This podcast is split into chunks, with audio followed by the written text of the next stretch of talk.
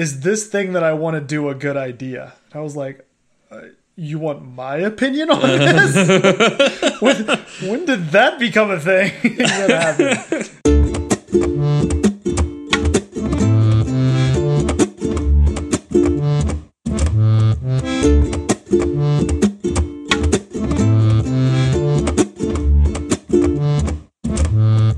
Hi, I'm Steve. And I'm Zach, and this is Fireside Swift. How's it going, Zach? It's going well. You know, another another week gone by, another week in the house. Um, Are you getting tired of looking at the inside of your house? uh, you know what? It's funny. We have gone on walks, my, myself and my family, every day at lunch. Um, so that's been nice. We've kind of just That's gotten nice. out about in the neighborhood. Yeah. Uh, and then after work, um, after work, well, actually after dinner, uh, the family's headed to the backyard, and we've actually uh, we've been playing family kickball games Oh, that's cool. basically every day this week. I hope uh, you know you're you're um, enforcing all of the rules of kickball. It's a very very strict environment. Yeah. this backyard kickball game we have. Uh, are are you the home run king? Uh, no, that would probably be Lauren. Lauren's Oh. Lauren's aggressive. Okay. Yeah, Has anyone got hit in the face yet? not in the face. Uh, there have been plenty of plenty of headshots, a couple to the back.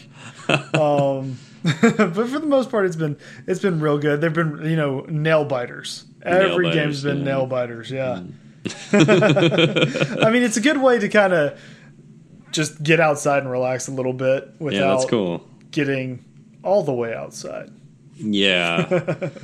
yeah, this week uh, was the first week where the weather re- like officially changed to spring, I, I would say. Um, Like uh, it's it's it's been nice, you know. It's rarely not nice out here, but it's like when I go outside, it's just a little cool, so I have to like wear a sweatshirt. Um, and I think on Wednesday, yeah, Wednesday, I went out to take Rocky for his morning walk, and it was just eh, like eight in the morning, gorgeous, just Oh, just nice. beyond beautiful, like the, the best day it could possibly be. And so I was like, all right, I'm just I'm just gonna work on the patio all day today, uh, and I did, and it was fantastic. Uh, yeah. Excellent. Well, you know what? I I didn't tell you about um, the the Easter shenanigans. Oh yeah, Easter. Yeah. So um, let's see. The night before Easter, I stayed up with Lucy because she was uh, she was crying. So I was like, you know what? It's not a big deal. I'll stay up with her. Um, I'll get to sleep in a little bit tomorrow. The girls, you know, Easter baskets and whatnot. So they're excited about that. But still, it's it's not getting up as early as I typically do. Well, five fifteen in the morning, Uh huh. uh, our alarm starts going off. Okay. Wait, There's what? a- like house alarm? Yes. Oh, not Yeah, there's- not normal wake up alarm. not normal wake up alarm, house alarm. Uh, Okay. Apparently, there's a uh, tornado warning oh, in effect. Yeah, there are some bad storms that were about to hit us. okay. Um, and there were a couple of tornadoes that touched down around us. Do you have a basement? We do not have a basement. Not many people in Texas have basements. What? Um, What were so we- what would you have to what would you do? you get into the uh, most interior interior room of the house. Okay. right? So you try to get away from all windows Uh-huh. and, and doors as many as possible. So that is that is the girls' bathroom. Okay. Essentially, it's right in the middle of our house. Uh, it's all closed off and everything. Uh-huh. Um, so we had to wake the girls up, move them because it was it's bad. It's bad when the weatherman is talking about tornadoes coming and he Uh-huh. shows a map with a big arrow of like the the most dangerous part of the storm, and it's like right over your house. Ugh.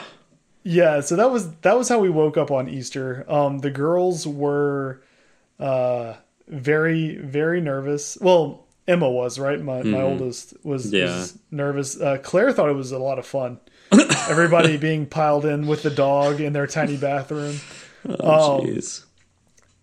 The luckily uh, the storm hit us right at about oh it was like right at about six. Okay. is when the when the storm wall hit us, and at six fifteen, the uh, conditions had deteriorated enough that they let the tornado warning and watch drop. Oh wow. And, and how like how are you keeping track of this in the bathroom? Well, so phone? so I was I was watching TV in the I was watching the TV in the living room while Oh, Lauren so you got the weren't girls you weren't Well- following the directions. up up until uh, up until I saw the map with the arrow basically pointing to my house where the weatherman was like, "It's bad right here, Zach, right here, this area here, it's gonna be bad." Uh, and so I was like, "Okay, I'll I'll head in." And then yeah, no, I had uh, I followed the local news on Twitter, and they had their their they were broadcasting over Twitter. Um, so I was watching it on there. Uh, you heard the rain just start pounding on the house. You heard the winds pick up. Um, and it's like the the lights went out for a little bit. Um, they came back on pretty much immediately, but it's one of those things where you're like, okay, how stable is it going to be? Is it actually going to cut out for good now? Um, but luckily, it was it was basically ten minutes of real real tense nervousness, and then everything was fine. And it was a gorgeous day outside. The girls were done with their Easter egg hunt by six thirty in the morning Ugh. Because so like after after the news after the weatherman said you know the the warning was dropped everything is back to normal now we're all going to be okay. Yeah. the girls perked up and the easter bunny had hidden eggs in the bathroom where we were hiding. Oh, so they saw the eggs. but they didn't they didn't notice it really until after they knew everything was safe right? And so then they go wait hold on. There are eggs in here I wonder And where the rest are. Exactly. Mm-hmm. So we were we were done with all the Easter festivities by six thirty in the morning. Jeez. What a way hey, what a way to wake up. Uh yeah, be I, I'm I'm glad that uh that was it and was not worse. You yes, know, very yeah. And luckily, luckily the tornadoes that did touch down around here, Mm-hmm. um, because we live in Texas and there's lots of lots of uh, pasture area. Um, they just hit uninhabited land. That's good. Uh, and there there was a uh, the last I saw there was only one report of a structure being damaged, and it was a house that had its roof torn off. That's terrible. But it, it is that is terrible. But given what a tornado could do, yeah. it's I mean I'm I wouldn't want it to be my house, Yeah. right? Well, But- especially in a quarantine, right? Um, right, exactly, Even better. exactly. Um, so I mean, I felt lucky that it didn't kind of rip through because you think about like Nashville and all the places that had been hit kind of Mm-hmm. Yeah, recently by like tornadoes. Yeah. you see all the pictures, and that's what that's exactly what I was envisioning is like my neighborhood looking like that.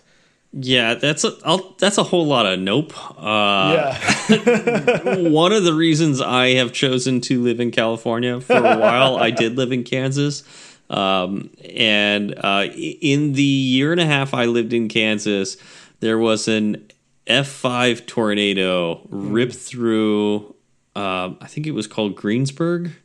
Um, and uh, the crazy thing was, I had been in that small town, and not even that small of a town, but you know, I guess compared to California towns, it was very small. Right. Uh, but uh, you know, had had a high school and everything, and uh, I was there the weekend before, and because I was uh, visiting a, a friend down there, and uh, gosh, like I mean, it's just amazing to think like the next weekend it was gone. Like one week there, next week gone, and Yep. the only thing still standing was the high school gym. Like Wow. that was it. Everything else was flattened yeah, Um, and that's I. Uh, no, like that's not okay. I mean, I you know, good for you that all live in Tornado Alley and all that, but I I you know I'll I'll, I'll risk the earthquakes. You know, at least all my stuff falls in one place. Um, yeah, that's true. I mean, this is the first tornado warning we've had here since I've lived here. So luckily, it's a, a rare occurrence. Um, yeah. But yeah, no, it was it was, and it's funny. Like, so the the storm actually blew through, and it was done by eight o'clock in the morning, and then the rest of this week has been perfect blue skies and 60 degree weather. We've had California weather ever since that terrible storm. Well, 60 degrees is a little cold, but um but uh Oh, I'm sorry. I'm going to take 60 degrees cuz next week it's going to be 102. Yeah, but uh I I used to love the weather around uh tornado season. Uh, like in fact, like I remember um, being outside in Kansas when it was like, you know, just just if I would remark about the weather, it's like man, it feels so nice. You know, like the weather's like th- there's no like just like the lightest breeze and like you know it feels pretty humid. It just like it just feels nice outside. Like it's overcast, so it's like blocking the sun. It just feels so nice. And then like people who live there goes, yeah, it feels like it's. Uh, they all like look around, it's like there's gonna be a tornado soon. I'm like what? This is tornado weather? what a messed up weather! Like Don't do that to me. I know it makes you want to be outside. It's so nice, and then it tries to kill you. Ugh. Oh, yeah. I mean, what what are you going to do, right? I don't live there. Don't live anywhere near there um, at all. With their deceptive weather. patterns. Exactly. Exactly. Uh, I guess we should cover some follow up, huh? Yeah, let's let's get to that. Yeah. Let's start with uh, Matt Kruckberg, of course, uh, one of the one of the hosts of Not Another Swift podcast. He said, "Catching up on Fireside Swift with episode 124 on stress. You guys are spot on with the feeling of not wanting to do the podcast, but feeling way better after recording. It's hard to put that in words exactly, but that was me a couple of weeks ago. Yeah, Matt, like that's that's Every single time. Been a very yeah a very common occurrence. Like you just sit there and you're like really? This is not something that i feel Yep. like i have the energy to do because you know you want to do the job well. Yeah. um but you know if you're lucky enough to be doing this with someone that is easy to talk to for you and you get along with well it it helps you out um kind of a lot. And i i am lucky enough to have that Yeah, and like even when I want to sit, like I feel like I want to sit down and do the podcast, I even then I feel better afterwards too. It's like Yeah. I feel like I accomplished something. Uh, had a great conversation with one of my best friends, and it's like, yeah, it, it's just it's a great feeling. And it's like if you don't have something like a podcast to, to help you through those stressful times, uh, hopefully you can find something that provides that same kind of good feelings. Um, whether that's hanging out with your partner or playing a game of kickball in your backyard or getting destroyed by a tornado, you know, um, you know, the things that Zach likes to do. Um, you know, wh- whatever it is. okay, barely surviving a tornado. How about that? that's just how i live my life on the edge. uh, yeah, it's good to find something like that, and I'm glad, Matt, that you were able to uh, to work that out. That uh, you get to do what Zach and I do, which is awesome. Yeah, I, you know what? If if someone is out there, you know, you're feeling stress and you have a good good friend, you don't you don't need to have a podcast to, to talk to them for a couple of hours. Just call them up and have a conversation. yeah, yep, totally. Uh, we also heard from Mr. McSwiftface. Uh, this guy's been a stranger lately. yeah, Um, Well, so and you know what's funny is like there's no no contact with him for a while, and then all of a sudden he's basically asking us to do a show on voiceover because apparently he asked a question on Stack Overflow about it. So I, I mean, he was either wanting a show on voiceover or asking questions or on Stack Overflow. You, you know how hard it is to understand British tweets, right? Uh, You have I to did- read everything with that accent in your head, and it just it gets Yeah, I know, I know. I, I did see this tweet. Um, it sounded like he wanted us to do a show on voiceover. Um, and if that's the case, I think he would have to come on the show again because I don't know much about voiceover. do you Do you know anything about voiceover, Zach? I know next to nothing about it. so maybe we'll have to have him on. If it's asking questions on Stack Overflow, I have the experience of doing one question on Stack Overflow. so Wait, what if what if Ben pitched the idea of having a voiceover episode only to get invited on the show? oh What if that's his plan? no, then maybe not. You know he is kind of duplicitous like that. Yeah, what a big word. Um, yeah. I, I know he's interested in evening out the the Ben wrestling match, but we had to That's have um, uh, our. Yeah Ben G on first. So Exactly. yeah, so yeah, I don't know. I don't know. We'll have to have them all on together to kind of just settle it all at once. Uh, we also heard somebody else who uh, he was part of the uh, the wrestling match too, right? Yeah, Of Joe, course he Joe was. Cab was in this. Okay, If you interact with this show enough, you're going to be a part of a wrestling match. Yeah. That could be that could be the guarantee we have. Uh, yeah, so, so Joe Cab uh, said, uh, "Love these episodes from the battlefield. Um, I get to live vicariously through you all, even as a hobbyist who never had to do a take-home project." yeah, Yeah, I mean, you know, as a hobbyist, you're kind of doing everything you do is kind of a take home project, right? not really. There's no pressure. It's all a take home project. Yeah, it is really interesting to think about this. Like, what if I chose not to do this as a career and just did it for fun? You know, Right. uh, I would definitely have a different take on all this. So um, it is interesting to think about. Yeah. Yeah, I agree. What if what if Joe Cab tweeted this to get on the show about doing an episode? No. Everybody has ulterior motives. I got it. I got it. Uh, finally, we heard from Christo eight seven four two one eight eight I zero. love. I love this one. There's been a. Are you the the like eight eighty seven millionth four hundred twenty one thousandth eight hundred eightieth Christo? That checks out. Probably. Yeah, that checks out. That's right. Yeah. Uh, so he said, at ZFalgu1, you say you're not into sales, but that's exactly what you're doing when you encourage us to check out things like Sean Allen's course, which I finally got after your episode on take home projects this week. No, but that means Steve's right, and we know we we know Steve can't be right. Not only are you in sales, you're successfully in sales. no. I mean, to be fair, like I'm, I, I am more than happy to uh, talk about and encourage people to check out uh, people and projects and products that I, I believe are very beneficial and helpful. And Sean Allen and his his content is something that I believe in. And I mean, it's hard for me not to believe in it because you know, he is someone who I kind of consider as teaching me Swift, right? Like I, I, when I say I learned Swift on my own or by myself or whatever, taught myself Swift, what it really means is I used a lot of resources to learn Swift, and his were a major part of that. Yeah, I remember you telling me about Sean Allen because I, I, I still to this day I really don't learn from YouTube videos. That's just not the medium that I I learned the best from.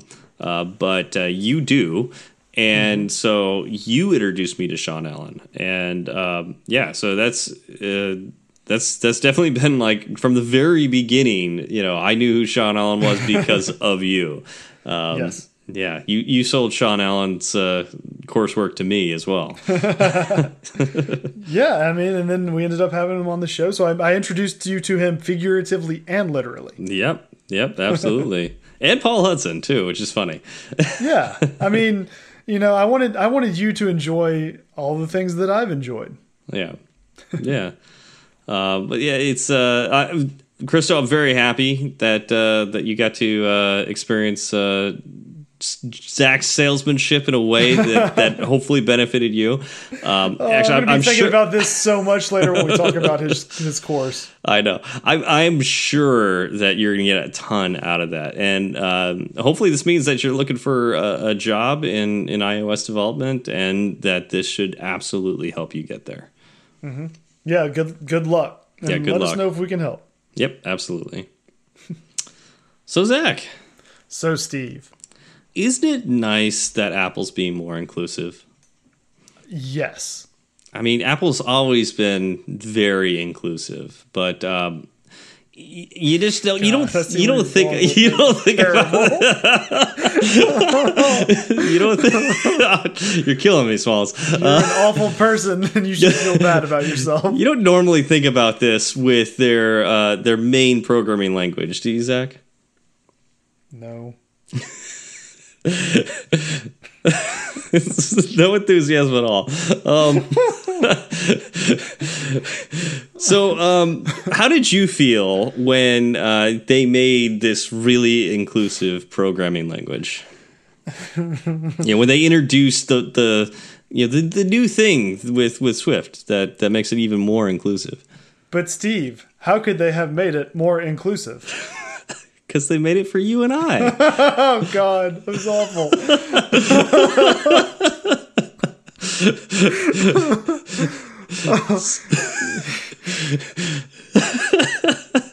Uh, yes, yes, yes, yes. Swift UI. Swift yes. UI. Yes. It's a topic that we have been dancing around. We've been talking about doing for a while. Um, neither one of us has has kind of gone too deep into it. We haven't learned a ton of it yet. Um, That's true. But like I brought up on the show, I believe last week or maybe the week before, I picked up Paul Hudson. Speaking of, of him again, uh, picked up his. you picked up uh, Paul Hudson? yeah, I picked him up and I said, "Teach me everything you know about Swift UI." And he said, "Why don't you just buy my book?" And I said, "That's a great idea." And I put him back down again, very gently, um, because we all know Paul Hudson's are skittish. Um, and I backed away slowly, and I think we're okay now. Okay. Uh, any- anyway, so Good. yeah, I picked I picked up his book, uh, Swift Swift UI by example, um, and I read the first chapter, and I thought, you know what, this this is a perfect kind of framework for a Fireside Swift episode. Yeah, and So- I I'm really thankful to you to finally push us into this topic.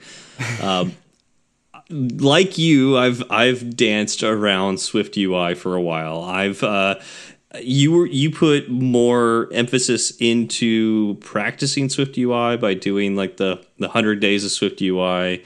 Uh, like you were Got you were like doing three those. days in, Yeah, so which is good. more than me because what I did is I think I spent one day and I like went through like 15 of them like as fast as possible, retained nothing. I know, and that's that's the that's the problem I have with that kind Yeah. of setup as well, which is why you know books and YouTube videos work just better for me. Yeah, the the key is to actually do 100 days. So you build the habit and you learn Yeah. something and it retains. Um, uh, one of like one of the cool things I, I did with Swift UI is um, a buddy of mine, Yuriv. Uh, he did a meetup at Apple, like an, actually at an Apple store, and um, he taught the the group there uh, how to do Swift UI on an iPad. It was actually using um, the Swift playgrounds, and we we used Swift UI and made a, a cool user interface uh, there in the Apple Store.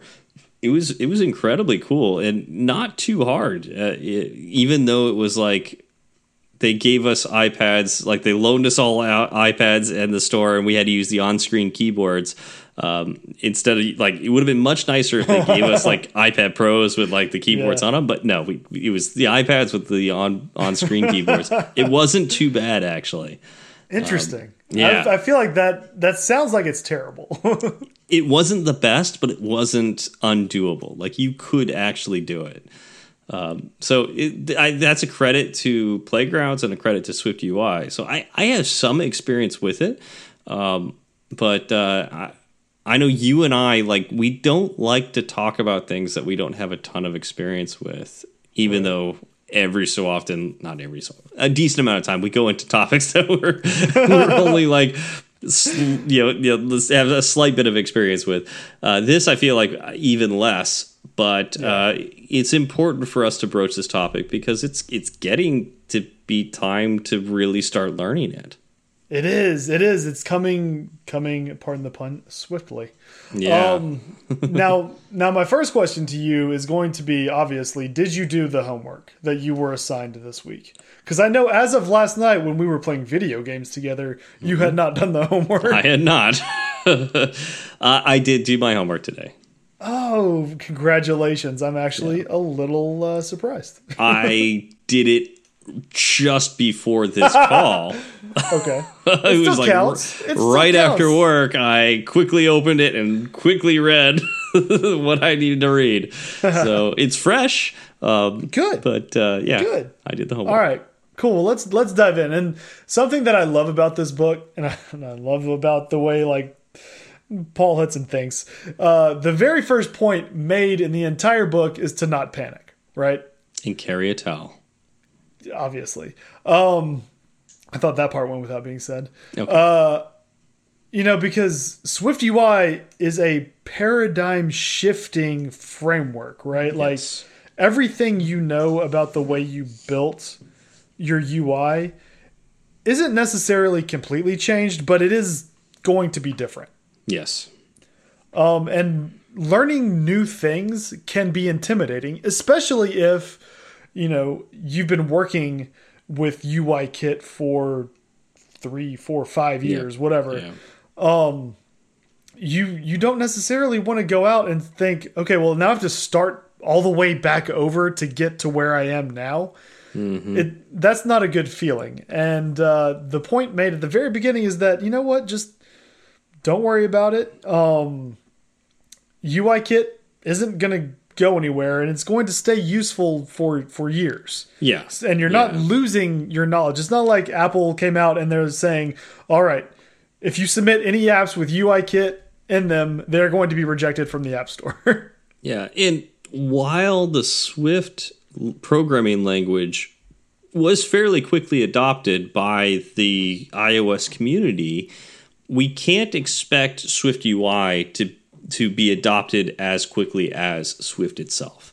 Um, and that's a, a very um, important reason. When, when Swift came out, it had full interoperability with Objective C. Swift UI coming out is only it only works with iOS 13 and later, and of course the other platforms and later as well, uh, like this last year's version of those those platforms. So really, like when Swift came out, you could essentially work with all the devices. You can't do that with Swift UI. So expect it to take a decent amount longer to adopt than Swift. And Swift isn't even com- like there are still some apps that are completely Objective C still. Like it's it's not it hasn't shifted completely to Swift yet on the iOS side. So ex- expect this to go even slower. So you have time. So that's another reason not to panic. right. Uh, we could it, we could divine, you know, by looking into the future and see that Swift UI is definitely how iOS UIs will be made in the future. When that future is is very much up for debate. Right. Um, I would be surprised if you found more than a handful of job listings asking for Swift UI knowledge at this point. Yeah. Um, you could probably find a few. I'm not saying they're not out there, um, but the majority is still going to be looking for knowledge of UI kit, Yeah. uh, especially at larger companies that have established apps that are supporting iOS 11 still, right? Yep. That means this year they'll drop support for iOS 11 um, and move on to iOS 14. Like the gap, the the range will be from iOS 12 to iOS 14. But because they're still supporting iOS 12, they won't really be able to take advantage of Swift UI for another year until they're fully on iOS 13. Yeah. Yeah. So, I mean, the industry has to be able to support people who don't upgrade their operating system right away. And so it's going to be a little while yet before uh, Swift UI makes a, a big splash.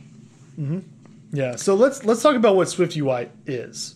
Okay, now that we've kind of gotten gotten that caveat out of the way, right? Okay. Uh, So it is an interface toolkit that will let you build your UI in a declarative manner, right? So you're going to tell your your UI how you want it to look and work, and then it'll get updated automatically as the user kind of interacts with it. Isn't that what we do now? No, what we do now is actually imperative UI, right? Okay. So when you build out an imperative UI, you need to make sure that you have all possibilities accounted for, right? That means you need to keep track of the state of the app. Well, I mean, you you you still need to keep track of the state to some degree with declarative, but in in the case here, it's it's mainly like you have to specifically handle when state changes Right. And change your UI. So the example that Paul gives uh, is a great example where your state could be, let's say, it's a Boolean state where uh, they either um, are logged in or they're not on a particular interface. Okay, so that's two states. no problem. When it changes from they're they're not logged in to logged in, I can change the, the, the text of a button and change the color, and we're, we're done. Okay, and same thing when it switches back. You know, when it, when you know they they go from logged in to not logged in, I could change the color of the button and the text, no problem. As soon as we add a second boolean, now uh, now we've got uh, four different states that we could be in. Uh, so uh, let's say there's there's two types of users. There's an admin user and a regular user. So there's logged in as an admin, logged out as an admin, logged in as a regular user, logged out as a regular user. What if there's another boolean? Let's we could keep going with this. What if it's not even a boolean? What if it's an enum where it could have like 20 different options? I mean, you technically have to handle every single one of those case changes. Like anytime it changes from one state to another state, you have to handle that and then tell your UI exactly what to do. Like, draw, you know, literally throw this alert up, you know, show this thing, change the color of a button. The main difference is when you're going declarative, now you say in all of these cases, like you you handle every single case uh, up front of you know essentially like uh, right up front, this is what the UI should do.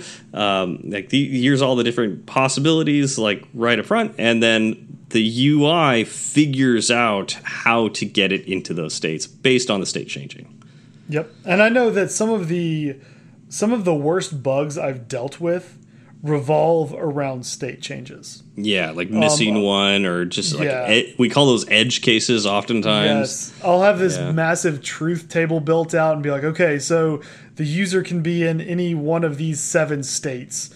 But mm-hmm. these seven states are also coupled with, uh, like you said, this other Boolean. Now, what do we do in each of these cases now? Um, And then there are sometimes when you're like, okay, there's no way a user could ever be in this case or in this state and this state at the same time. And then you you push all of a sudden it is you yeah. find out that there's a very yeah. there's a very real way that a user can be in both of those states at the same time. Yeah uh, another example that paul gives and it's um it's something that royally irritates me when i see it. Um like if you ever uh, see that little red dot like an alert dot somewhere oh, in the oh, app, yeah. and you go interact with that thing. Let's say it's a button for like messages. You read the message, and then you go back to like the main part of the app, but that little red dot doesn't go away. Mm. That's imperative. That means that there was a state that didn't sh- they didn't update the UI based on you doing something. So that's a case they forgot, a case they missed, or they're late on. Um, whereas with Swift UI, because that UI interface would be connected to the state as the user does the things like access the the messages. Um, that state would alter, and because it's tightly coupled to the UI, it would know to change its its uh, well what the UX and UI looks like. Yeah. Uh, so it would do that for you, and it's like it, it, it makes it so you're you're less likely to miss those state changes and and uh, cause weird bugs. Mm-hmm. Yeah, and and again, I think moving away from from having to pay as much attention to these state changes um, will will lead me to write better apps. I can't speak for everybody, but I again like some of the the hardest things I've had to figure out have been around why is the user getting this message when there's no way they should be getting this message? Yeah. Well, it, it's also a lot less code too, because yeah. in, instead of describing how, I think this is actually how we should have described this. Uh, you know, when when state changes with um, imperative, you describe how the UI changes. Mm-hmm. So that ends up being this pretty long thing, you know, like very long, like you know, like draw the view, animate it up, and have this, right. you know, take this many seconds to get there, and have curve it out, and all that. Um, again, like you're describing how the the the, the UI changes. Uh, with declarative, all you say is what the UI should look like after the state changes. and it takes care of the rest. It takes care of the how. You don't have to think about it. So it's significantly less code than uh, than if you were to write it empirically. Mm-hmm. Can you imagine what that code looks like behind the scenes? Uh, so that's what's interesting is like at the end of the day, everything is imperative. Um, that's why it's like it's it's kind of hard right, to describe because it all. It all goes down into yeah, like Yeah. you're just you're not writing the imperative code. Right. Somebody else did. right, exactly. and, and, and the, hopefully what we gain from this is somebody i won't say necessarily smarter than us you know like or smarter than you because you may be smarter than this person writing it because bugs happen right all over the place mm-hmm. especially if you're writing imperative code like decent chance you're, you're writing some bugs in this you're, you're forgetting some states. It's possible but here's the thing so many people will be using the same declarative code um, that the imperative code that's behind it that the Apple engineers wrote will get tested more and more and more and more and more. It's the same concept of open source uh, languages and open source frameworks. Uh, there, it's less and less likely to have issues because so many more eyeballs have seen it. So many people have tested it. So uh, that's the huge benefit here. It's everything's much higher level. Uh, you know, it's a higher order programming language essentially, and uh, so it leads to less code and uh, hopefully better user interfaces. Yep. Yeah, and then speaking of of interfaces, why why don't we talk about Swift UI and interface builders, builder, and storyboards? Yeah, Because this is also a pretty big change. this is a big change, and I I would like to say a very welcome change from all sides, um, except for somebody who's like a super expert in interface builder. Um, I think everybody can recognize that interface builder, while a fantastic feat of engineering, I do not want to like you know downgrade uh, interface builder at all. It it was fantastic for what it did for so long.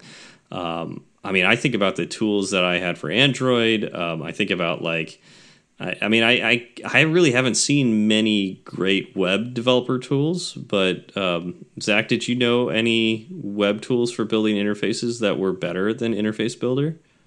No, I mean one of the reasons I was drawn so much to writing iOS apps and Swift was was Interface Builder, and Yeah. being able to just kind of draw what I wanted on the screen and know that it was going to be there, as opposed to dealing with uh, CSS, HTML, and, and any sort of tool that was around those those languages. Yeah, it's so like Interface Builder had a lot going for it. It was very very cool. But if you ever worked on a team at all, as soon as you are building a, an iOS app with with at least one other person, uh, you can immediately see the problem with storyboards. Uh, well, maybe not immediately. Maybe it takes you till you you decide to work on The same the same storyboard. same storyboard at the same time, which almost anybody would. Uh, and so, like all of a sudden, you're you're committing code and you get a merge conflict, and then you cannot see how to to merge this code together. Um, Yeah. So that's that's number one. So it's like, all right, let's throw storyboards out. At least there's xibs, right? Xibs are great as long as you both don't work on a xib at the same time. Well, that's kind of annoying. Okay. Um, because at, behind the scenes on, on both storyboards and xibs, it's this unreadable XML document. Yeah, Yeah, so like that's that's not great. And that is a problem that Interface Builder and Storyboards has had since its inception. And that's too bad. Like it's it was holding it back and it's I mean, that's the number one reason why like at Tinder we don't use Interface Builder, which is you know, that we we all we use programmatic only views. Mm-hmm. Which kind of sucks. Like it's it's it's great for us because it gets the job done and we're able to merge code faster but we can't preview our we can't see like our user interfaces and work with our designers in a way that smaller teams that work with xibs or storyboards are able to work with their designers Yeah. In fact, um, you bring that up. I had uh, the project manager today ask me a question about the way uh, the UI will look on one screen once we make a certain change to it. And I was able to send her a bunch of screenshots of storyboards uh, and xibs, Oh, cool. essentially saying Yeah. like, "This is the way it's built out right now. Uh, we will have to design around this when we get to the point you're talking about, but you know, you can see kind of where we're going with it, and it's all very visual." Um, Yeah. I didn't have to. I didn't have to run the app for that. Um, It made explaining things really, really simple because we use a bunch of container views in our uh, in our storyboards that are filled with with views later. So I was able to write labels in each of the views, telling her like, Oh, "This is what will be here. This is what will be there, and this is what we're going to do to change that." Um, so being able to to have that power was really, really beneficial for me today. Yeah, yeah. And so like that that's a major problem with uh, you know, interface builder. Another major problem with interface builder is um, the unsafe coupling between interface builder and your code. You mean when I right click and drag, it doesn't just always know everything?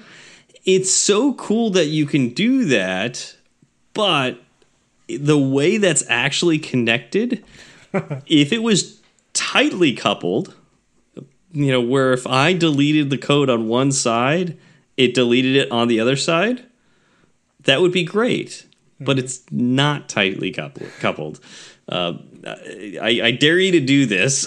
Oh I, I, god. I want you to uh, to to to like add a button onto an interface, right click and drag or control click and drag that into your code and connect up an action, and then I want you to delete the code for that action, and then run your app and hit that button and tell me what happens. Because it will run, the app will run. The compiler does not know that you deleted the action behind that button, but if you don't update the button in interface builder which is not as straightforward as it seems once you hit that button your app will crash. Mm-hmm. And i remember it took me hours the first time i got one of those to figure out how to fix that because i couldn't understand the error message. Yeah, another another good one that kind of falls into the same category is uh say you have two buttons that will do similar things. So you have you build one out in interface builder, you know, copy the action or do the right click drag to create an action. Then just copy that that button in interface builder because you want it to look the same. yep Uh, and then paste it Oh, again. jeez. yeah And and then uh, connect another action to that that second button and watch what happens when you tap it. yeah because usually it has it keeps the connection to the old uh, action right It does. yeah yeah That's, uh, that's also a frustrating one. Yeah, uh, you know another thing is um, the uh, like a cell reuse identifiers, which is a string. Uh, you yeah, know, don't you don't want any typos in there. yeah, and so like forget how many times have you forgotten to set your cell reuse identifier? Like it's it's Yeah, so many. easy to forget to do, and then of course when you get it in your code, you have to cast it. Like so, you get you, you're gonna like you Right. figure out like this string, and then you still have to cast it into the type that you want it to be. It's so awkward and so weird. We're used to it, but in all honesty, we shouldn't be. That's terrible. Right. saying saying like, you know, cell reuse identifier fireside swift cell as a fireside swift cell. Yeah. Like, you don't need to duplicate that. You, you know what you're going for. Yeah, it's it's it's awful, and you've heard me complain. If you've listening to this show for a while, you've heard me complain about that. Um, I absolutely hate that in iOS code, and we've had to survive with that for so long. Swift UI gets rid of well, at least all of those options. I think there's there are some cases where where strings are still a part of our Yeah. of just the UI world, which is awful. But um, in all those cases, uh, those things are taken away with Swift UI, and that's pretty amazing. It's true. Well, I mean, Swift UI is is a Swift only framework, right? So it doesn't have to worry about Objective C. Yeah, Interface Builder existed before you know Mac OS X, and it was designed around the way Objective C works. Mm-hmm. So they had to take all of that into account. With Swift UI, it is Swift focused, yes, right? So that means that uh, you know you can you can uh, don't have to argue about programmatic or storyboard based design anymore, right? Swift Mm-hmm. UI, you're gonna have both. Yeah. You can you're gonna write all your code out. You're gonna have a nice a nice preview right there. You'll be able to see what it does, and you can actually uh, I think you can still drag components in, and it'll Yep. populate on the um in the code. Yeah. Yeah. And How yeah, it will incredible is that? Yeah, no it will right generate code drag. for you. it will generate code for you.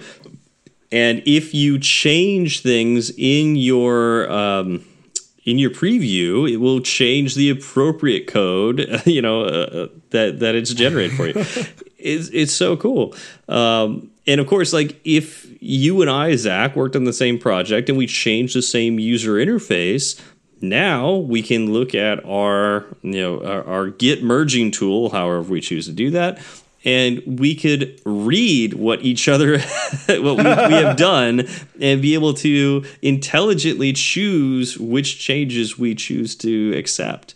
Um, it, it's uh, significantly better and i think it's this is why we know this is where we are going in the future. Like this will be how everybody does design their UIs in Swift. But uh, I mean, anything that can raise my understanding of what someone else is either doing or has done, Hmm. that's just going to work out better for me. absolutely, I mean, think about, you know, you see a screenshot of a version of the app you're working on from the past, and you see something that has changed between that screenshot and today. And you need to get it back to where that screenshot was. You can go into, you know, the storyboard or Xib or, you know, programmatically and just try to start adding constraints to get it back to where it was. But Yeah. with if it were if it were in human readable code, uh, which you know programmatic based is, I guess. Um, You could go back to like through the source control yep, and see exactly what changed and when, and maybe even why. Yeah. Right?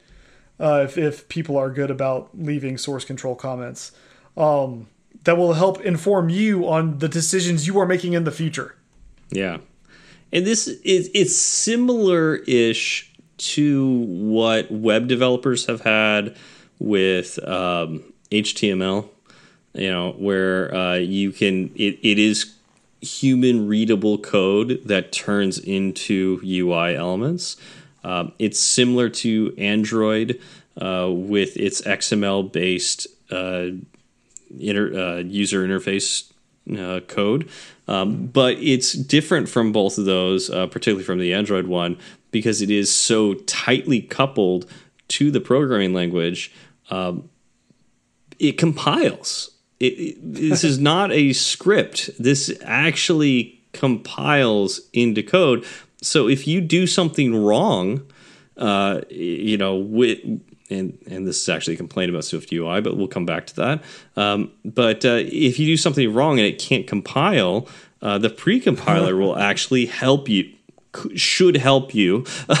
um, Should uh, you know catch those things early so it doesn't come up in the middle of somebody using your app like you will know if you you haven't set a variable correctly or uh, whatnot whereas like those other like web uh, like html uh, or android like things could go wrong uh, and not necessarily just because things aren't connected quite right well you Yeah. can't do that in swift ui Yep.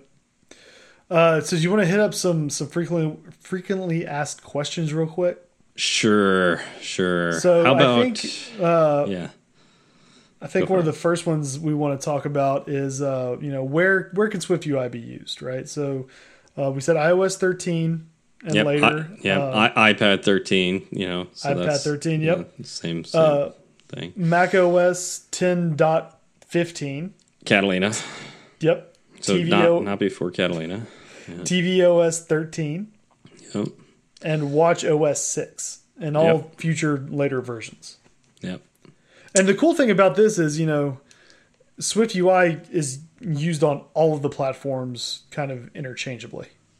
Yeah, and um, Paul does want to make the distinction that um, this isn't like your cross-platform languages like uh, React Native or um, Ionic or something like that. Um, it's not like cross platform in that sense, but um, be- because because something is Swift like some some interfaces don't necessarily use all of the bits of, of Swift UI. Uh, Right. For instance, uh, uh, what's a good example? Like a tab bar is not useful on a watch app, right? Right. Um, right. You're gonna have certain elements that you don't want, uh, or that you want on an iOS app that you're not gonna want on a Mac OS app. Yeah, like um, actually, I think the example used was uh, the crown. Like being able to use the the digital crown Oh, is not the- useful on watch, anything yeah. else but the watch, right? so. Um, you can use Swift UI for all of these platforms, but you're not going to write one Swift UI interface and it work on all of these platforms. Right. Yeah. So I think we want to make that clear. Right. But you'll be able to jump from platform to platform and use the same uh, framework. yeah. The That same elements. be- yeah. It won't be 100% portable from Yeah. one platform to the other. Yeah, but sh- you should once you get good at this, be able to bounce between each of the different platforms and me and, and be able to make beautiful interfaces for all of those.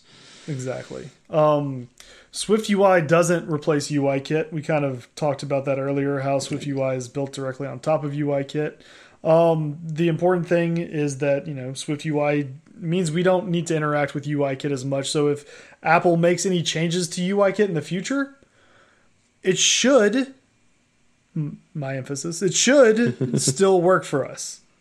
Yes, yeah, and uh, one of the things that's that's interesting, um, and and just for those of you who wanting like again debating about learning Swift UI, uh, Swift UI and UIKit, it's not 100% one or 100% others other. You can use them together. And there are ways of using UIKit within Swift UI and also having components in UIKit that are Swift UI. So like, you know, having having views in in a UI kit that are just purely Swift UI. So uh, they are interoperable um, because there are some things in, that are in UIKit that are not in Swift UI yet.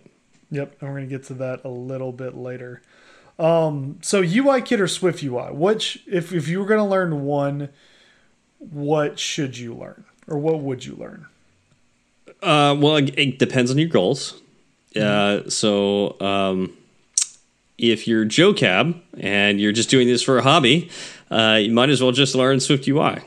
You know, un- unless you you know certain things you really want to do in, in your hobby, and then you could do UI kit. But um, you you know if you if you're just getting started out, like you're not being serious about like making this your your career, um, you know, go ahead start learning Swift UI now. It's fun.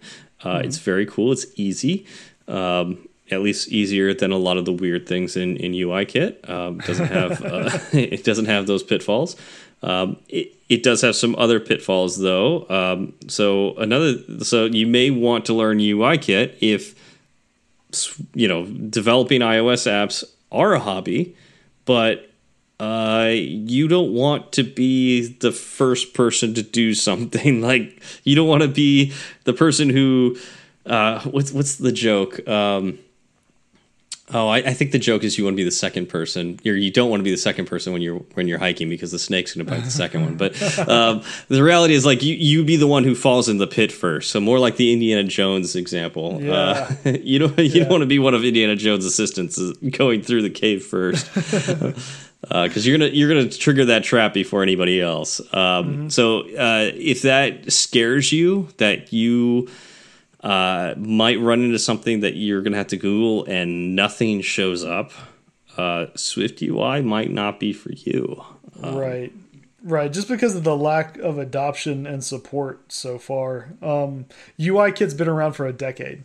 Yeah, It's it's hard to have a question about something UI kit related and not find an answer to it. I don't I don't know if you've ever been in the situation where you run up against something you you can't figure it out figure it out you go to google it and there aren't any stack overflow questions about it yet it's a really really weird feeling yeah, and in general, that I usually assume I'm just not asking my question correctly enough.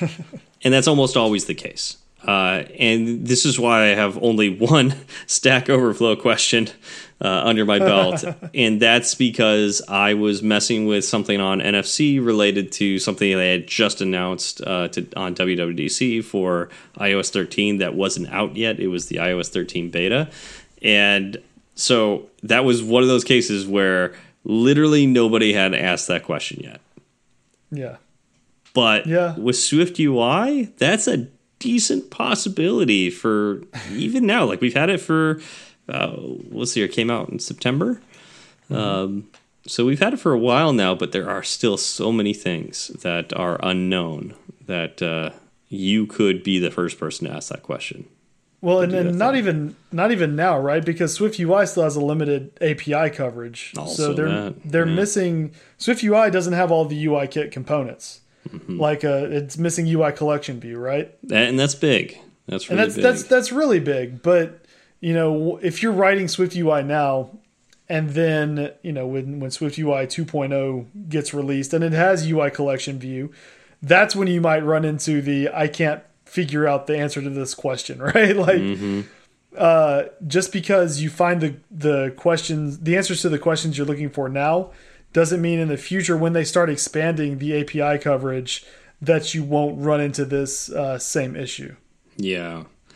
So I, I think just like thinking about all of this and settling down, let's say, and oftentimes we, we, we assume that, uh, you know, those of you listening to this podcast are interested in making this your career. So we've, we spoke a little bit about the hobbyists, but for those of you who want to make this your career, um, should you start studying Swift UI now? Um, and I- would say I would wait a little bit longer, but you can start dipping your toe and getting familiar with it now. I think it, it depends on how well you know UI kit, right? Yeah, like, if, you, you're still if you feel like you already have UI kit kind of down and you understand it and you could go Mm-hmm. through an interview process, then you know you can learn Swift UI. If if Yeah. you are approaching Swift kind of brand new and you don't know anything about UI kit and you don't know anything about Swift UI, um, you may want to lean more towards Swift UI because, as I mentioned earlier, you're not going to find many jobs that are looking for only Swift UI experience. Yeah. Um, yeah, and also keep in mind the massive changes that occurred in Swift if you were an early adopter. Um, you mean Swift 2.0 to Swift 3 or Swift 2 to Oh, Swift 3? yeah, I Swift 2 wasn't even around for that. I was Yeah. I started in Swift 3. Yeah. But by the time I started learning, whenever I looked for answers to questions, what I found were people complaining about how everything was broken. Yeah. So it's just like that's something you want to keep in mind. It's not that they're going to do that. They it, but they very well could. I mean, this is such like we're still so early in this framework that there's a lot that could easily change in the next few years. Um, so keep that in mind. It's it's good to start learning it because if you are planning on making um, iOS development your career, like myself and you, Zach, um, we should probably start learning this because this will become incredibly important in you know three to five years. Um, that's that's when this like having the skills and the foundation to understand what people are talking about, be able to work in Swift UI and convert UI kit code to to Swift UI code. Um, that will be incredibly important. But I would say don't drop everything and start learning just Swift UI yet. Uh, we're not quite there, um, but uh, it is incredibly ex- exciting.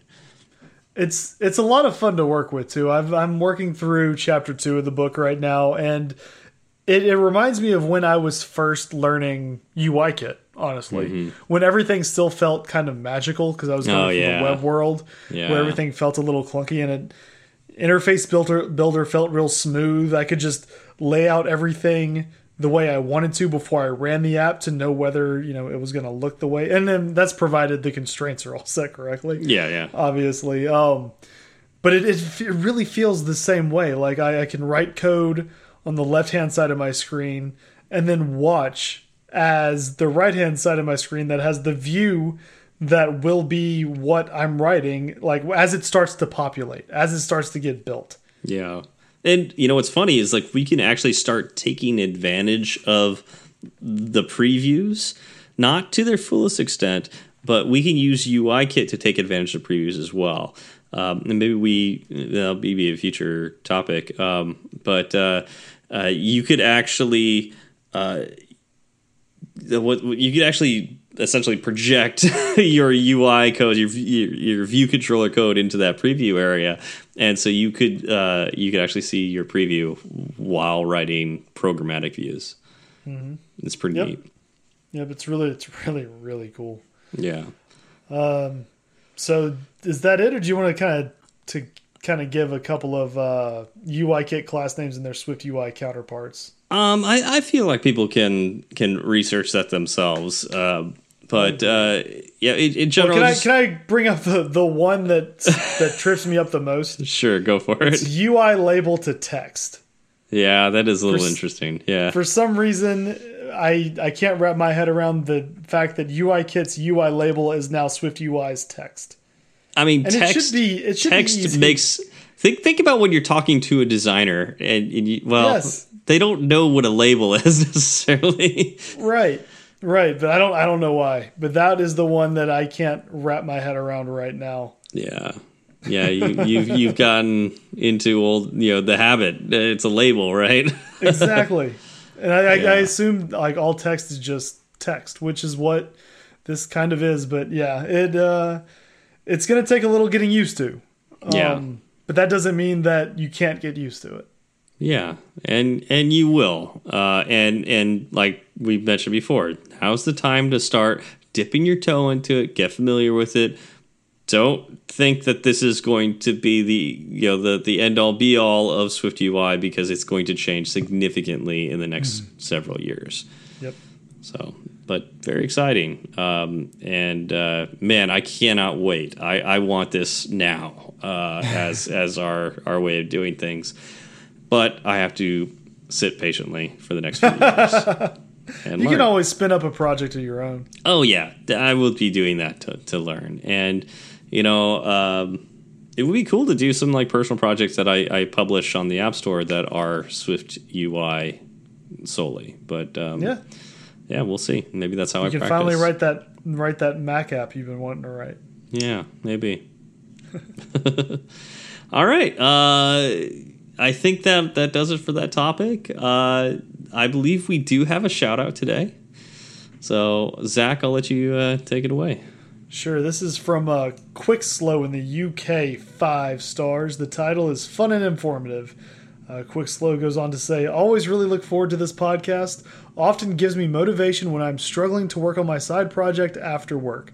Much love from an iOS dev deep in or dev in the UK. Keep up the great work. Um, Quick Slow, I'm happy that we can uh, provide that motivation for you on your side project after work. I know from experience how hard it can be to get off of work and then go home and do Oh, more yeah. work. Yeah. Uh, there are some days when it feels great and it's extremely liberating. There's some days when you're looking at your, your your computer and you're thinking, "Why did I start this in the first place?" yeah, yeah, and I, I, I I'm kind of in that place right now. Uh, there's, there's, I've got a side project that I would like to spend some time on, but I haven't motivated to do it. Uh, maybe I should just listen to our podcast a little bit more, and maybe I'll get motivated. but uh, I love your name, by the way, uh, Quick Slow. That's that's really fun, uh, and thank you for uh, that great that great review. Yep. Um, now we can get on to some Fireside Swift stuff. I want to reiterate that this was kind of a an overview of the first chapter of Paul Hudson's Swift UI by example. Um, if you're interested in it, you can go go out pick it up yourself. Um, he has it available for free, and we're going to have that link in our show notes. So if you want the offline version and to support Paul, um, go to, to hackingwithswift.com and you can go go pick it up. But if you want to just read through the book for free, it's all on hackingwithswift.com. Is the whole book free? I thought it was just first chapter. I think the whole book is free. I, I bought it. I bought it. Yeah, I bought it too. I want Paul to keep giving me information.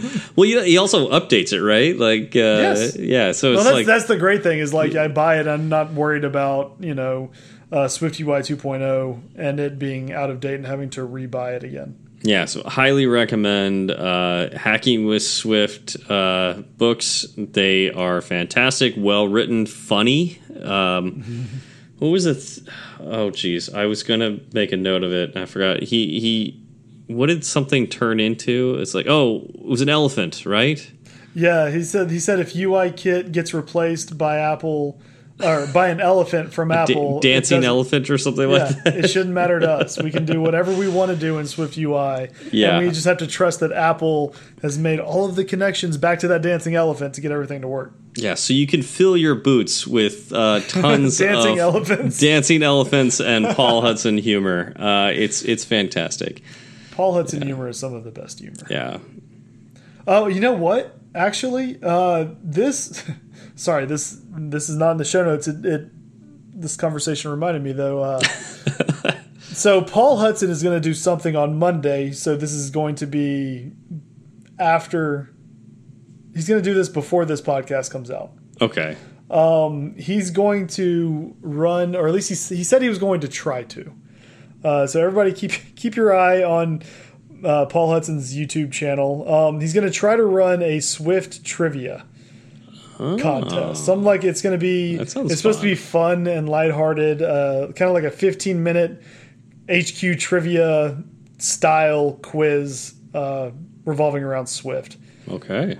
So he's he said he was going to try to do it Monday. He might it might be later. He was. So this is I'm gonna not be going to way to this is gonna be way late. Okay, so But you can always go and go back to his YouTube channel and watch it on uh, on replay.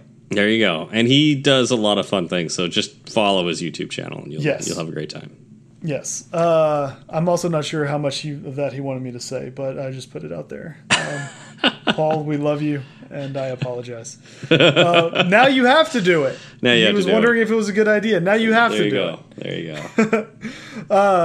Next up is um, a fellow Weird Swifter, which is the meetup that I enjoy going to when I have the chance to here in Austin. Uh, his name's Trent Guillory. He's starting a contest for developing Swift UI elements. Um, so it's going to challenge developers to make a, a component library based on a one line theme. So the theme that's running this week is card swiping component. So something like a Tinder or Apple's old album flow or what, whatever you know that may mean to you. Um, the competitions are only going to be a week, right? So you don't have this huge amount of time that you're committed for. Um, and it doesn't you don't need to know a bunch of, of coding right it's supposed to be fun and creative and you're supposed to just be able to answer you know what can swift ui do uh, to submit if you want to do this if you want to take part of this you want to submit your project you reply to the pinned tweet um, the twitter handle is at swift bounty uh, with the repo of your project and the one that has the most likes in the end will win Very um, cool. As far as as far as what you quote unquote win, there's nothing. It's just bragging rights. uh, it's supposed to be a, a fun and lighthearted contest. Uh, contest. It's funny because I retweeted uh, what Trent put out there, and Kilo Loco said this sounds like a scam. and uh, Kilo Kyle was wrong. Um, it's it's not a business. It's not backed by a business trying to get you to do free work for them. It's it's just a guy who thought something would be interesting and fun to do, uh, and so he's giving it a shot. And I want to support him giving it a shot. So uh, if y'all are interested, go look up at Swift Bounty on Twitter, and uh, you can learn more there. And by the time this podcast goes out, I think the first contest will be wrapping up. So you'll have a chance to kind of go out and look at what other people have done and vote on it. Very cool. I mean, with a name like at Swift Bounty, I would also think scam. But you know, I mean, it's uh, Fireside Swift had a god awful icon uh, for the first solid year and a half. Uh, So- the bounty hunters—they're the uh, the scum of the galaxy. But they're Um, the coolest scum of the galaxy. so, uh, should we talk about Sean Allen's course again? Sure, let's let's wrap it up with uh, Sean Allen's course. I guess I've been a salesman for a little bit now. I'll continue that. You're right so good now. at it. Don't don't even. um, so yeah, Sean, he's got a course out right now that is centered around the Take Home iOS project. Um, he's a guy that knows what he's talking about when it comes to a Take Home iOS project because he has been both on the giving and receiving end of them. So he knows how to write code that will be critiqued, as well as how to critique the code you write when you're going out and trying to impress somebody with your take home project. Because the reality is, you know, you're going to be put up against a number of people. Um, and the way you can approach a take home project is just many-fold, right? Like if you go back and you listen to episode 125, I believe, uh, that was all One- about the take 120, was it last 126. week? It was oh, last it was week, last yeah. week. Okay, Yeah. it's there's there was been so much that has happened. So last week's episode 126. Um, if you go back and you listen to that, you can hear just the myriad of things that can happen with a, with a simple take home project. Um, you know, if you're looking for guidance, if you're looking to you know land your first job and you want a little help, uh, Sean's got a course that will hopefully give you that help. Um, now we've kind of partnered with him. Uh, we have a code or we have a link that will get you 15% off of the price of the course. You know, I was like, Sean, listeners of Fireside Swift, they they want to do these take home projects well. Let's help them out. And he was like, fine, just here's your code. Thank you. so that that code will be in the show notes. Um, if you want to be like uh, Christo Numbers, uh, who wrote in earlier to say that he had he had purchased the uh, the show or the content, go click on that link, pick it up, and um, you know get a little better at the take home project. Yeah, yeah. All right. Well, thank you all for coming out, and we will see you all next week. Y'all have a good one. It's such a good feeling to be at the end. Happy feeling that there may have been a mistake or two. So we'd like to hear from you. Twitter's great, Breaker might beat it. Email's fine, but we rarely read it. But we love five star reviews, and we promise to mention you. So get a pen and write this down. Just kidding, who's got pens around? Still, they'd love to hear from you. Steve Berard and Zach Falgout. Tweet at Zach and have some fun. At TFALG, or you do one. At TFALG, or you do one. He'll write back when his work is done. Tweet at Steve and you will see clever use of the emoji at SWB. R A R D.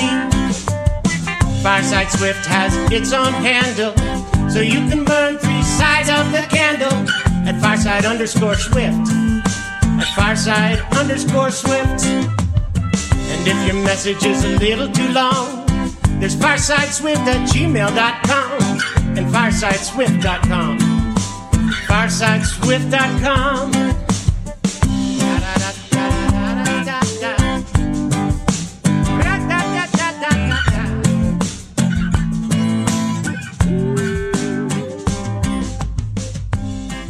New iPhone SE.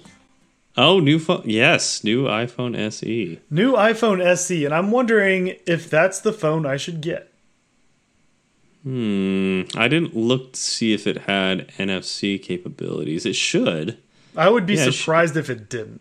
yeah, it, it should because it's it's the same If the iPhone body. if the iPhone 7 had it, I would think yeah, it's That's it's. I, I think the the new SE is basically the iPhone 8 with better like a better chip. well it's like the iPhone and then like the iPhone 11 guts inside an iPhone 8 body Yes. essentially. Yeah. Yeah. So, yeah, actually, in that sense, it should be the phone you get. Actually, Yeah. um, who was it that brought it up today?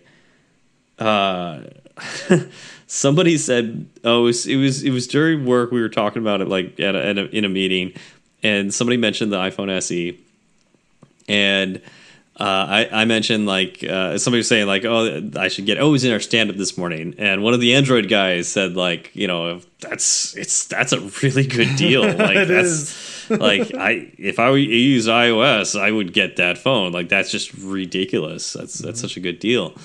Um, and I was like, I don't know. I, I, I couldn't. Now that I've like gotten used to Face ID, I couldn't switch down to Touch ID. And somebody made the comment, it's like, yeah, you're gonna you're gonna hate that Face ID when you're wearing a mask. You know, you need to use Touch ID. I went, oh yeah. We're all gonna hate Face ID real soon, and Yep. they actually made the the observation. Is like, I wonder if they like did that on purpose. Look, Touch ID's coming back, coming back, making a strong comeback. So, I mean, given the price point and the technology involved, like I, I don't need something super crazy. I've, I've got Yeah. a 6S that I'm perfectly happy with. The only reason that I want to upgrade now is because the battery is starting to finally fail, Hmm. uh, and I could use more storage. Right, like I, I don't Yeah. need like a, an insane camera. Uh, Face ID would be cool. I, I would like to have the nicer screen, but do I need that? Is that something that's going to make a big difference in my life? Not really. yeah, Um, again, especially coming from a 6S, right? Like I don't know yeah. if I would. could go. yeah. I don't know if you could go to like the the 10 or the 10s or the 11 and then go back. Yes, to that size. That would be much much harder to do. Yeah. But I'm think I'm like, man, this it kind of looks like the phone for me. Uh, the price point is absolutely incredible for, For the- an yeah, Apple product. For an Apple product with the power that thing's packing, yeah, that's that's a great deal. yeah, I was I was planning on spending probably around a thousand dollars for a new phone. Yeah, what's 400 bucks, right? uh, yes, and I would well, I think it's around there. I would get the two fifty six gig. I just So I feel it's like 100 bucks more or something like that. Yeah, I 100 feel because I fill up my phone with you know videos and pictures Mm-hmm. of the girls and stuff. How much are Oh. you using now though? It's it's up there. Look at mine real quick. It's up there. Um, and I know my wife is con- like she's having to delete stuff right now because hers is so full. She hates. She wants everything on device. Oh Right. yeah, yeah. yeah. And that's- so I feel like I have a lot on my phone, but then again, I don't take a ton of pictures. I've been taking more, but they don't have a ton of pictures. I'm using 83 gig of my 256. Oh, nice. Yeah. Well, see, we also only have 128, and we're bumping. That was the that was the biggest Wow. size a 6S could Okay. All right. Well, then, yeah, you take more pictures than I do, but you also have children. Yeah. Yeah. Uh, so I think 256 would probably be as big as we probably need to go for a while. Um, And again, I've also had this phone for nearly four years, right? So Mm-hmm. filling up 120, whatever, 28 gigs over four Mm. years isn't like insane, right? Yeah. Yeah. um, especially when you know there was moving to a new house, uh, Mm-hmm. lots of birthdays, a pregnancy, a birth. Yeah. I mean, like I that that's the the photos and videos Yeah. are where that's at. yeah. and that, Do that kind of eats up all the. Do you What's that? pay for a plan to like use Apple Photos and like basically back up all your photos? We we are going to do that. Okay. Yeah, that's Yeah. that's the next plan. But again, we we it's nice to have everything on device because the girls Mm-hmm. like looking at stuff, and it's it's just so much nicer to not have to download the random stuff that they want to see because you never know. They'll be like, Mm-hmm. "What what was that thing I did three years ago? I remember we were out with the Mm-hmm. family. There was a park." Uh, and it's just Yeah. it is it's it's a benefit, right? Like it's nice to have it just already there. Yeah. So I I where do you even see where do you see what you pay for iCloud? iCloud is one twenty storage. a year, right? And then like ten bucks a month? Well, I'm trying to f- figure out like where is it managed storage? That's probably it. So like I, I I slowly got into it. Oh yeah, change storage plan. There we go. Um, yeah, so I I started with let's see what what are the options here. I keep trying to say something and then I'm just like getting distracted. Um, I I can't type my password. You, man, the suspense is killing me. I have I no know. idea what's going to come. Okay, next. so like, of course, like you start with like the five gig for free, right? Right, Which is ne- not even close to enough. Nothing. Yeah, Yeah. So it's like it is not hard to upgrade to that ninety nine cents per month, right? Yeah. What and what's the ninety nine cent? That's fifty gig, fifty gig, Fifty. Okay. which was good for me for a very long time. Like that was Mm-hmm. that was a great tier. It's only a dollar a month. That's twelve dollars a year. Yeah, that's, not like bad. I barely I- even noticed I, that. I could swing twelve bucks a year. Yeah, and then uh, I think I think it was like hundred gig. Like recently, I think they they upped it to two hundred gig, but it was like hundred gig for uh, three dollars a month.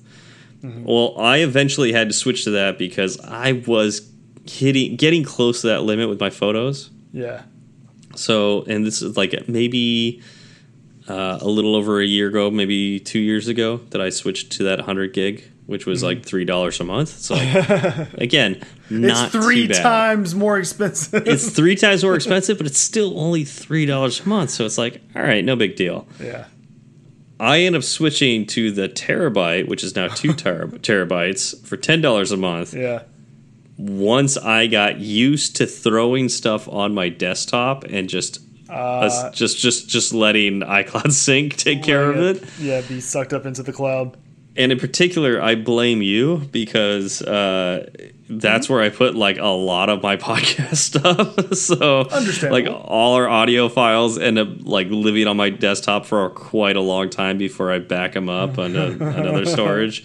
And so that's like the main reason I have that. But it's it's ten dollars a month. It's like less than Netflix, and I I, I get to have all my photos like synced between all my devices and you know having that shared desktop shared documents folder it's Yeah. it's so nice Yeah. Um, I think we're actually going to go with Amazon Photos Hmm. to to start out with, uh, mainly because we have an Amazon Fire TV, and i get that getting the photos onto the TV like that. That the girls love that, right? You- Because yeah i can see that but are you okay with like reduced quality yeah, like yeah like yeah, I'm, I'm not super Okay. worried about that. I don't. I don't. They don't need to be sharp. They just need to be there. Is essentially where we're at. even when you're older and you want to look at it you want to see like crappy yeah. pictures But but when we're older, our eyes are going to be going anyway. Everything's going to look okay dull. all right all right fair enough It's, everything's blurry. Who cares? Yeah. Like I think one of the biggest things is like I really really really love live photos. Yeah. You won't have that with Amazon. Ag- Again, that's I'd take zero live photos. I every photo I take is a live photo. I have noticed that. I Uh, love it. I love it so much. I'm either photo or video. I'm not this in between thing I think where you live. particularly with kids, I, I, that really surprised me. But maybe because you've always been worried about your storage. Um, yeah, but- I mean that that is true. Once we bump it up, Yeah. I may I may be taking. Yeah, because I I love like taking pictures of like my my nephews. Uh, because like usually what happens is like okay so you- you're gonna get some good pictures um, you know from time to time and like you know some you have to potentially very throw away yeah but sometimes like maybe you only get a chance to take a few pictures of something that's really cute and like they didn't turn out great but now you can use the live photo to potentially scan around and find a better version of that photo and that becomes your key your, your Yeah. key photo right. um, but then it, there's those other times where the photo itself is not like great but the video that gets captured is the most adorable thing on the planet and you're like oh my goodness i'm so glad i got that yeah. yeah, um, that has happened more times than I can count, particularly with young kids. Right. Yeah, and again, that I can see myself probably using that more. And then when the when it turns into those memories that you know Apple kind of Yeah. their algorithms throw together, Yeah. it will mix the live photos with uh, you know with the stills. Mm-hmm. It's magical. yeah, and and if all of your photos are live photos, it does a really good job of like, you know, this one. Yeah, exactly. Like these Yeah. are the this is the one that has like the kid saying something cute. I don't know how it knows that, but it figures that out. It's And not so, that's like- not terrifying at all. It's not terrifying at all. Um, yeah, so it will use that, you know, as the the live photo. Put them like other ones where it's just like people smiling. Like it'll just use that. It it's, it does an incredibly good job with that. yeah. Yeah, uh I wouldn't be shocked if I started doing more of that in the future if I upgraded. Um You really I ha- should. I haven't upgraded yet, but wow. It's kind of hard for me not to at Yeah. this point. Like again, they kind of took away all the excuses I had. right? Because I, well, I was thinking about upgrading this year, just later on this year when they Yeah. released the newer phones, and then I see this, Yep. and I'm like, I mean, I don't know, I don't know that I'm gonna need the top of the line, crazy, powerful stuff that comes out later. I just that's Yeah. not really what I need my phone for, and I'm an iPhone Yeah. developer. Like I'm. Uh, again, 6S. It has gotten me here, and I it has stayed true, and it has been fantastic. Not without Oh. me complaining to you from time to time. Oh no, you. But I'm used to you complaining, so that that's fine too. That's like that. You know, I deal with my memory issues just like I deal with you complaining. It's something I've gotten used to. Uh, yeah. so, are, are you I mean- thinking you you and Lauren would upgrade? oh, Lauren has pretty much already pulled the trigger on it. Like she's ready to Oh, go. wow. Yeah. when uh, does it come out? What's the day? Tomorrow? It's like next week. I went up for pre-order today. Did you do that? I didn't. I don't think Lauren had yet. Okay. But I, I think she's probably going to pre-order before before we talk next week. I would be surprised if she didn't because she she takes more photos than I do. Um, Yeah. and she's been you know, I keep having to delete things on my phone and it's terrible. And again, she she backs everything up as well. Um, but she she loves having it all right there, and that's it's like it's very comforting for her, and I get it. Um, because there's stuff on my phone that I don't want going anywhere either, uh, just because it's it's so nice to have. Um, plus it's stuff that you know I, if it's on my phone, I feel more secure about it. So it's like the really, really special stuff, right? Yeah. Um, and that's every picture for her, right? Like she Mm-hmm. doesn't want to delete anything because everything is so special, and that, that that's Yeah. that's awesome. Um, and so yeah, she's she's been having to delete stuff lately, and it's been driving her nuts. Yeah. Yeah. It's definitely time. Yeah. So she's gonna she's gonna double her her storage space and be very excited. Plus, you know, we'll probably get into the habit of backing up more often once we have a service to back up more reliably too. Yeah. yeah. Um, and then yeah, it'll be uh, it'll be a new way to to kind of live with the technology at hand. But I mean, again, I've had this phone for four years. Uh, there have been many iterations on the iPhone since I bought this one. um, so I'd be I'd be excited to get whatever kind of new tech I could get. Right, like everything's going to be such a huge upgrade to me. I thought about getting the XR for a little while. yeah. Um, Yeah. That that's a good phone. that's a really good phone. And again, like I I don't need something crazy top of the line that's going to be able to do a million things at once. I'm curious if the iPhone SE though has a, a passive NFC scanner. that will be something I look into because that could that could uh, and actually I already talked to Lauren about that. I was like, this is something that you know needs to be in the next phone I get. Yeah. So I would be. I'm curious about that. What did what did the iPhone eight have? It has an active uh, NFC scanner. I don't think. Yeah, the eight did not have because the eight was out with the ten, right? The ten and the eight came out together, or was it the SE? The ten or came sorry, out the after not the SE. 8. Uh, the ten. So no, I think the ten and the eight came out at the same time.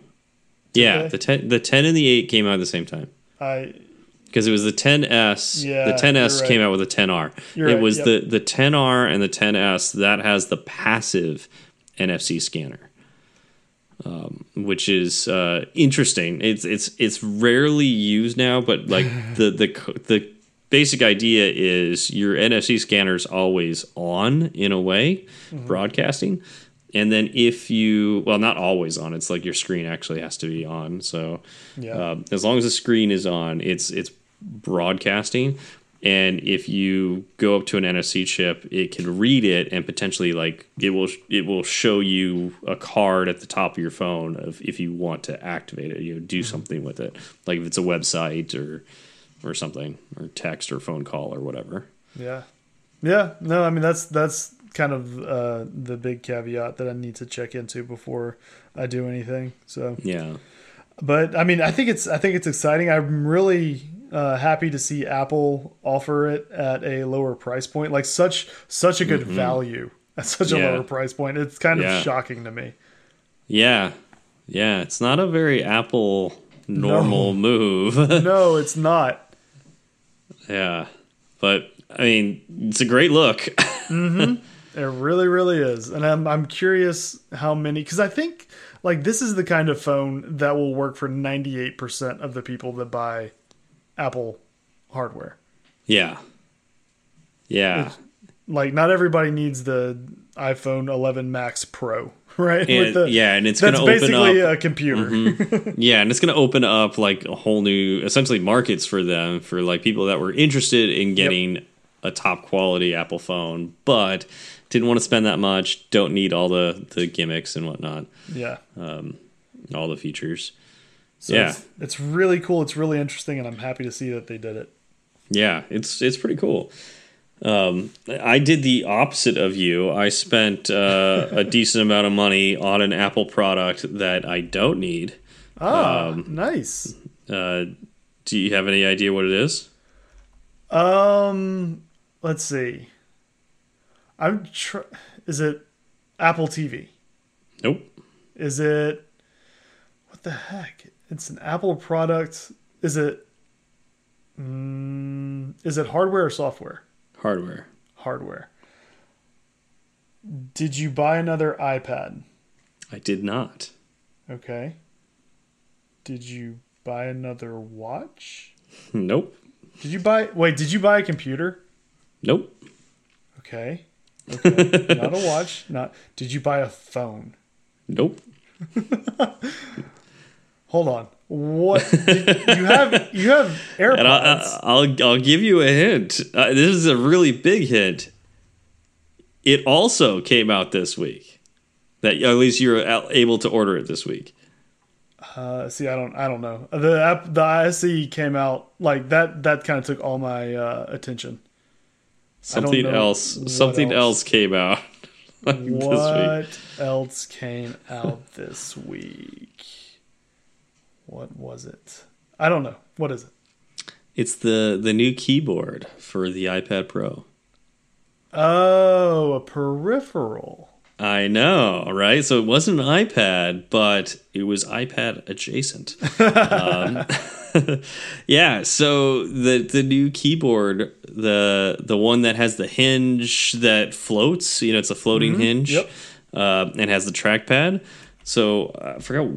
I guess it's called the Magic Keyboard or something like that Yeah. um, that uh, just went like they said it wasn't going to be available to order till May, and they just opened it up this week and said, "Yeah, you can order it now. You can pre-order it now. It's going to Oh, wow. ship in a week."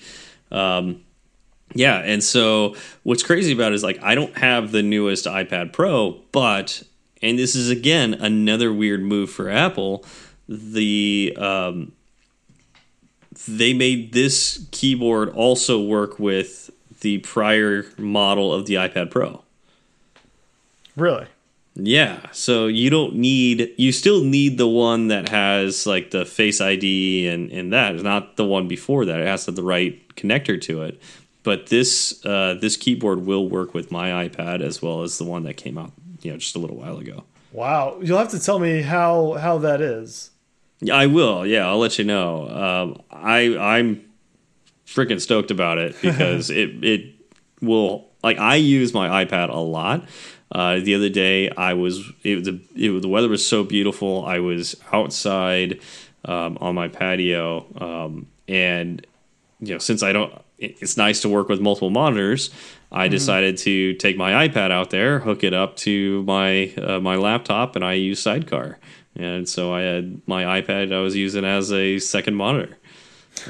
Nice. You know, it was super cool. you know, I mean, Hey. that's that's got to be such a huge benefit for people who you know take their laptops around and work in like coffee shops and whatnot to have just this extra screen real estate. Um, that is essentially something you can throw in a bag or a backpack or something and take around with you relatively easily. Yeah, as long as you have that USB cable, USB, you're sorry, USB C to USB C cable. Um, technically, you don't need a power cable after that point. Like you, it, and you probably have a USB C to USB C because you've got the power cable. yeah, Um, but uh, yeah, in all reality, like they're both they both have battery. So Right. like you could just go to a coffee shop and set up and have multiple monitors, which is awesome. Uh, Yeah. It works great, um, and yeah, so that that's super awesome. The the problem is like I will want to tap on my screen. I, I notice myself doing that. Like I'm like like on uh, Safari, like browsing Jira issues or something like that. I try to like tap on the screen to edit it. I'm like, oh, uh, I No, kind of switch over gonna- to the- gonna my happen. laptop keyboard. Yeah. And this is going to make it even more like a laptop because Mm-hmm. now it's got a trackpad. And I'm, I'm curious if I I don't know if they have this functionality yet, but I wonder if the trackpad and keyboard will work for either computer. Um, if you have it hooked up for Sidecar, that would be. Yeah. really interesting. yeah. Um, but we'll see. Yeah, that that should be very cool. wow yeah no i'm i'm really interested to hear what you have to say about that Mm-hmm. Yeah. So that should ship and arrive. It should ship ship soon and arrive in a week or two. sweet I'll let you know. Yeah yeah sweet sweet ipad typing Yeah. and and iPhone using. That's, that's what you're doing. iphone using exactly Touch ID using, I guess. Mm-hmm.